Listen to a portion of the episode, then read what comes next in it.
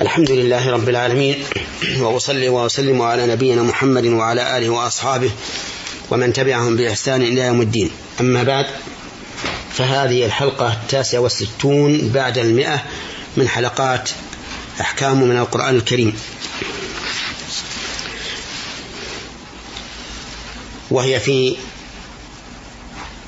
في الآية السادسة والتسعين بعد المئة من سورة البقرة وهي قوله تعالى وأتم الحج والعمرة لله. وقد سبق الكلام على فوائد وأحكام من هذه الآية انتهينا في فيها إلى قول الله تبارك وتعالى فمن كان منكم مريضا أو به أذى من رأسه ففدية من صيام أو صدقة أو نسك. فمن فوائد هذه الآية وأحكامها بل وحكمها أيضا أن النصوص تأتي على وجهين. وجه مبين مفصل من حين ورد وهذا كثير بل هو الأكثر. وجه مجمل غير مبين ولا مفصل ثم يبين ويفصل بعد ذلك. وهذا قليل بالنسبة للأول. لكن له حكمة عظيمة وهي أنه إذا ورد مجملا تشوفت النفوس إلى بيانه وتفصيله وتشوقت إلى ذلك حتى يرد التفصيل والبيان والقلوب ظمأ إلى ورود هذا البيان والتفصيل. ومنه هذه الآية هذه الآية الكريمة. ففدية من صيام أو صدقة أو نسك. فلم يبين الله تبارك وتعالى الصيام ولا الصدقة ولا النسك. ولكن النبي صلى الله عليه وعلى آله وسلم بينه لكعب بن عجر رضي الله عنه حين حمل إلى النبي صلى الله عليه وعلى آله وسلم في الحديبية والقمل يتناثر على رأسه من المرض فقال له النبي صلى الله عليه وعلى آله وسلم ما كنت أرى الوجع. الوجع بلغ منك ما أرى ثم أمره أن يصوم ثلاثة أيام أو يطعم ستة مساكين لكل مسكين نصف صاع أو يذبح شاة. ومن فوائد الآية الكريمة أن الكفارات عن فعل الذنوب فداء يفدي بها الإنسان نفسه من النار. والمخالفة فتقع مكفرة لما مضى لقول الله تعالى ففدية من صيام.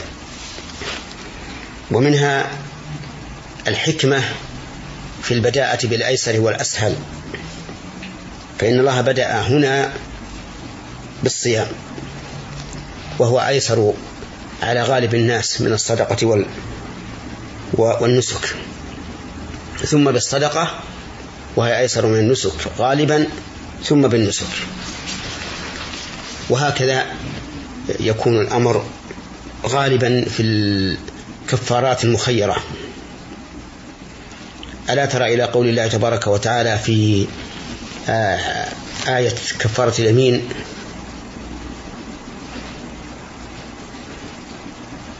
حيث قال فكفارته إطعام عشرة مساكين من أوسط ما تطعمون أهليكم أو كسوتهم أو تحرير رقبة. فبدأ بالأسهل فالأسهل ثم قال فمن لم يجد فصيام ثلاثة أيام. لكن في الكفارات المغلظة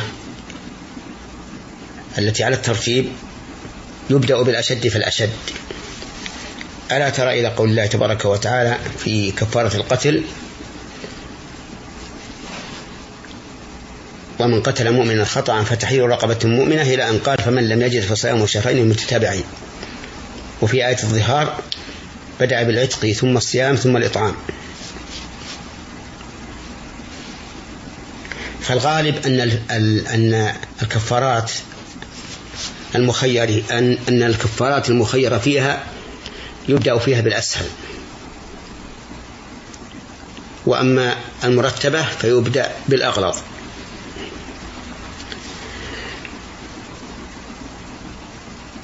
ولعل من الحكمة في الأول أي في الكفارات المخيرة إلى أن الإنسان ينبغي له أن يفعل ما هو أسهل. ومن فوائد هذه الآية الكريمة أن المتمتع بالعمرة إلى الحج يجب عليه الهدي. لقوله تعالى فإذا أمنتم فمن تمتع بالعمرة إلى الحج فما استيسر من الهدي. والتمتع صفته أن أن الإنسان يحرم بالعمرة في أشهر الحج أي بعد دخول شهر شوال ثم يحل منها ويحج من عامه. فهنا لولا هذه العمرة لبقي محرما بالحج. من شوال إلى أن يحل منه يوم العيد. لكنه إذا أتى بالعمرة وحل منها تمتع بما أحل الله له من محظورات الإحرام إلى أن يأتي الحج. ولهذا جاءت إلى الدالة على الغاية. فمن تمتع بالعمرة إلى الحج. ويتفرع على هذه الفائدة آه، أن دم التمتع دم شكران وليس دم جبران. لأنه ليس فدية عن محظور ولكنه شكر على مشكور أي على فعل يشكر عليه الرب عز وجل وهو الرخصة للإنسان بالتمتع بما أحل الله له من محظورات من الإحرام من العمرة من نسائه من العمرة إلى ابتداء الحج. وألحق أكثر أهل العلم بذلك القارن الذي يحرم بالحج والعمرة جميعا ثم لا يحل منهما إلا يوم العيد. وقالوا إن هذا نوع تمتع لأن القارن تمتع بسقوط أحد السفرين. إذ لولا تمتعه هذا آه، لوجب عليه أن يأتي بعمرة في سفر وبالحج في سفر آخر أو أن يأتي بالعمرة مستقلة عن الحج ويحل بينهما ثم يحرم بالحج. ولهذا كان جمهور العلماء على إلحاق القارن بالمتمتع في ذلك أي في وجوب الهدي. وأما المفرد وهو الذي أحرم بالحج مفردا فإنه لا شيء عليه أي ليس عليه هدي لأنه لم يجمع بين النسكين ومن فوائد هذه الآية الكريمة التيسير على العباد بأن من لم يجد الهدي أو ثمنه فإنه يصوم ثلاثة أيام في الحج وسبعة إذا رجع. وهذه الأيام الثلاثة يجوز صيامها من حين أي إحرامه بالعمرة ناويا التمتع إلى أيام التشريق. ولا يجوز تأخيرها عن أيام التشريق لأنه لو أخرها عن أيام التشريق لصامها في غير الحج. وعلى هذا فلو قلنا فلو أن إنسانا قدم إلى مكة في العشرين من ذي القعدة متمتعا فأحرم بالعمرة فله أن يصوم. من عشرين ذي القعدة إلى الثالث عشر من الحجة.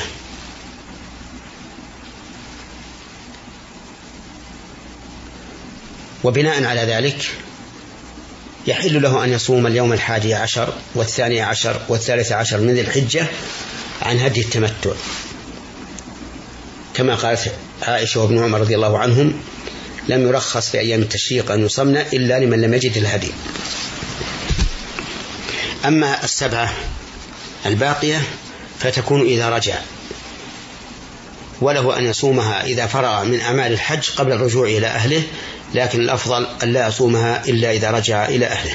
ومن فوائد الآية الكريمة أنه يجوز أن يصوم الأيام الثلاثة متتابعة ومتفرقة.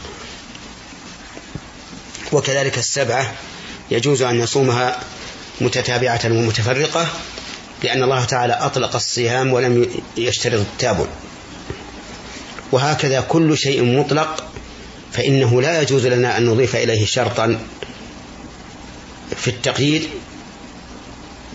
وهكذا كل شيء ورد مطلقا فإنه لا يجوز لنا أن نضيف إليه شرط تقييد إلا بدليل من الكتاب والسنة.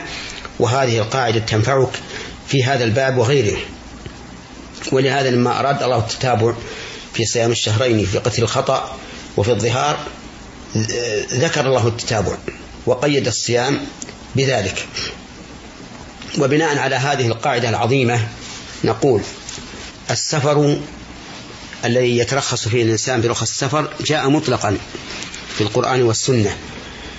آه، الجوارب التي يمسح عليها والخفان جاءت مطلقة في الكتاب والسنة. ومقيدة بأشياء معينة. فلا يجوز أن نزيد في التقييد على ما جاءت به السنة في هذا. لأن نقول المطلق يبقى على إطلاقه إلا بتقييد من الكتاب والسنة والمقيد بشيء من الكتاب والسنة لا يجوز أن يزاد عليه قيود أخرى ما لم يكن هناك دليل من الكتاب والسنة. وإلى حلقة قادمة إن شاء الله. والسلام عليكم ورحمة الله وبركاته.